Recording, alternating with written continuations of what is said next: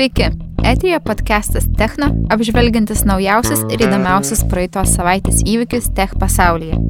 Rokiruotė top 5 turtingiausių žmonių gretose, IT sektoriaus situacija Baltarusijoje ir gigantų kovų apžvalga - JAV prieš Kiniją, Kinija prieš Indiją ir Microsoft prieš Amazon. Jei viskas, ką paliečia Elon Musk virsta auksu, tai galbūt turime naują grinuolį. Pentagonas paskelbė modernizacijos projektą pavadinimu Jedi. Jo tikslas yra suteikti kariškiams geresnę prieigą prie duomenų ir debesų kompiuterijos galimybių iš mūšio laukų yra tokių vietų. Ir aistros dėl šio 10 milijardų dolerių vertės JAV gynybos departamento kontrakto nerimsta jau metus. Šiek tiek prieš istorijas. Apytiksliai prieš metus Microsoft laimėjo paskelbti 10 milijardų dolerių vertės infrastruktūros ir debesų kompiuterijos paslaugų teikimo konkursą. Amazon, IBM ir Oracle irgi dalyvavo šiame konkurse. Pralaimėjusios šalis ėmė bijoti sprendimo teisingumu bei teisėtumu. Oracle buvo pradėję teisminį procesą, kurį pralaimėjo šią savaitę. Amazon irgi yra pradėję teisminį procesą. Amazon nuomonės sprendimas buvo nebejotinai šališkas. Amazon teigia, kad jie negavo šio kontrakto todėl, kad Donaldas Trumpas, JAV prezidentas, elgėsi priešiškai Amazon CEO Jeff Bezos atžvilgiu. Kol vyksta teisminis procesas, gynybos departamentas atliko savo vidinį tyrimą. Jo išvadas, kaip ir anksčiau, Microsoft tinkamiausias tiekėjas. Penktadienį, rugsėjo 4 dieną, Amazon Web Services savo tinklaraštėje dar stipriau pasisakė šią temą ir dabartinį sprendimą vadina politiškai korumpuotu. Kinija nerimsta. Kinijos prekybos bei mokslo ir technologijų ministerija rūpjūčio gale atnaujino dokumentą, reglamentuojantį Kinijos verslų technologijų ir intelektinės nusavybės eksportą. Iki šiol šis dokumentas niekart nebuvo atnaujintas nuo pat paskelbimo 2008 metais. Panašu, kad šis protekcionistinis Kinijos ėjimas gali tik dar labiau padidinti ir taip tvyrojančią įtampą tarp JAV ir Kinijos. Verta paminėti kelis naujai į dokumentą įtrauktus punktus. Taigi, apribojimai bus taikomi, citata, individualizuotų rekomendacijų technologijoms bei dirbtinio intelekto interaktyvioms sąsojoms. Hipotetinė situacija. Sakykime, JAV labai išpopuliarėja Kinijoje sukurtas naujas appsas. Pavyzdžiui, trumpų video kūrimo platforma, tokia kaip TikTok. Tai 50 milijardų dolerių vertinamas socialinis tinklas, ypač populiarus Amerikos paauglių tarpe. Be to, TikTok platforma dėl Donaldo Trumpo susirūpinimas saugumu ir paaštrėjusiais santykiais su Kinė gali būti labai greitai uždrausta Amerikoje. Taigi, jei tokia aplikacija kaip TikTok naudoja naują individualizuotų rekomendacijų algoritmą, o TikTok tikrai ir JAV kas nors nori nusipirkti šią platformą, tai į dėrybas turės būti įtrauktas ir Pekinas. Ar viskas, ką paliečia Maskas, virsta auksu? Jei taip, tai pakalbėkime apie potencialų grinuolį. Elon Musk rūpjūčio pabaigoje dalyvavo neurotehnologijų kompanijos Neuralink renginyje ir pademonstravo per pastaruosius metus pasiektus rezultatus. Pristatymo metu parodyta kiaulytė, smegenyse turinti Neuralink sąsają. Neuralink kuria sąsają sujungiančią žmonės su kompiuteriais. Ši technologija turėtų padėti išgydyti tam tikras smegenų ir stuburo ligas. Ir be abejo, išplėsti smegenų galimybės išnaudoti dirbtinio intelekto teikiamus privalumus. Cituojant Newcastle universiteto neuroninių sąsajų profesorių Andrew Jackson, Nieko revoliucingo šiame pristatyme nebuvo. Taip pat Neuralink neparodė nieko, kas dar nebuvo padaryta iki šiol. Aukso dar teks palaukti. Tęsiant kalbą apie Teslą. Per paskutinius šešis mėnesius Teslas akcijų kaina išaugo 200 procentų.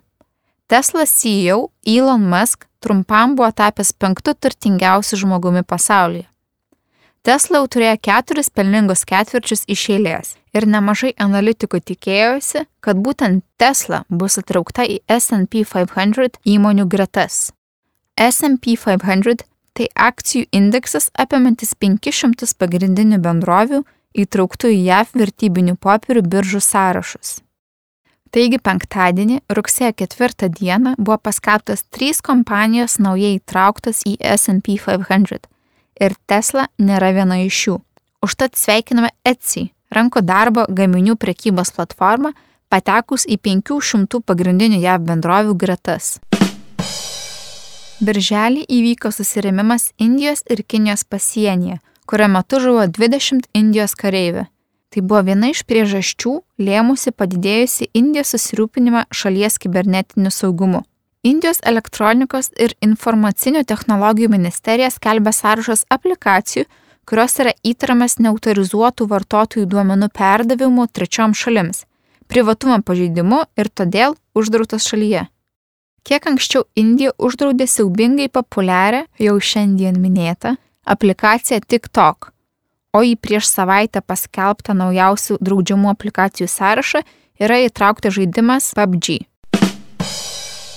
Neramumai kaiminystėje. Rūpjūčio pradžioje ir viduryje, paskelbus Baltarusijos prezidento rinkimų rezultatus ir po to kilus masiniams protestams, šalyje buvo atjunginėjamas internetas. Akivaizdu, kad tai sukėlė problemą Baltarusijoje veikiančiams IT įmonėms. Ir kalbu ne apie neveikiantį Stack Overflow puslapį, o apie negalėjimą vykdyti būtinų kasdienių operacijų. 300 Baltarusijos IT kompanijų direktorių ir investuotojų pasirašė laišką reikalaujantį naujų rinkimų. Priešingų atveju jie pasitrauks iš šalies. Bet problemas tęsiasi.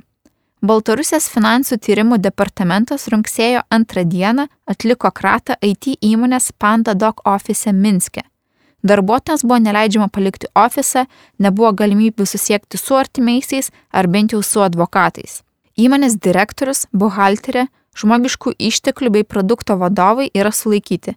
Įmonė kaltinama mokesčių vengimu, nors tiek vidiniai, tiek tarptautiniai išoriniai auditai pažeidimų nėra užfiksavę. Šios įmonės kuriejas Mikita Mikado laikomas vienu iš dešimties sėkmingiausių Baltarusijos IT specialistų. Pat šiuo metu Mikada gyvena Junktinėse Amerikos valstijose. Kompanija iškomunikavo, kad susikloščius tokiams aplinkybėms bus priversta trauktis iš Baltarusijos. Kyla įtarimas, kad valstybės susidomėjimas PandaDoc atsirado po rūpjūčio gale Mikidos paskelbto video – Šiame video Mikida kalbėjo apie įsteigiamą fondą, kurio lėšos bus skiriamas aktyvistams nukentėjusiems protestų vykstančių Baltarusijoje metu. Taip pat fondo lėšos bus skiriamas policininkams, kurie išėjo iš darbo ar perėjo į protestuotojų pusę. Technogreitukai. Ar tai planšetė? Ne, tai naujasis Samsung išmanusis telefonas. Samsung Galaxy Z Fold 2 5G Ultra Super Speed Max. Dėl Ultra Super Speed Max aš pajokavau, bet pavadinimas tikrai ilgokas. Samsung išleido naują atsiverčiantį išmanų telefoną su dviem ekranais, turinti 5G ryšį. Jo kaina Amerikoje siekia 2000 dolerių. Jei neklystu, tai yra vienas brangiausių Samsung išleistų telefonų. Lietuviškose internetinėse parduotuvėse jis jau pasirodė ir galima įsigyti šį išmanųjį telefoną už kiek daugiau nei 2000 eurų. Beje, tai nėra reklama. Rugsėjo 4 dieną kinai paleido daugkartinio naudojimo erdvėlaivį į kosmosą. Visą misiją supa nežinios prieblanda. Žinoma tik tai, kad erdvėlaivis, citata, tam tikrą laiką išbus orbitoje. Microsoft pristatė vaizdo įrašų ir nuotraukų analizavimo įrankį, kuris identifikuoja giliuosius padirbinius, kitaip tariant, deepfake'us. Šis įrankis vadinamas Video Authenticator, jis parodo tikimybę, kad žiniasklaidos priemonė buvo dirbtinai pakeista. Vaizdo įrašo atveju, paleidus vaizdo įrašą, įrankis gali pateikti šią tikimybę realiu laiku kiekvienam kadrui. Kągi, jau turim tokį įrankį, galima tikėtis, kad gilieji padirbiniai artimiausiu metu taps daug geresnės kokybės. Australijos Melburno universiteto mokslininkai sukūrė dirbtinės odos prototipą, kurio reakcija į skausmą labai artima žmogiškajai. Tikimasi, kad šis skausmo jutimą imituojantis prototipas paspartins naujos kartos biomedicinos technologijų vystimasi. Tokia šios savaitės apžvalga. Naujas podcastas po savaitės.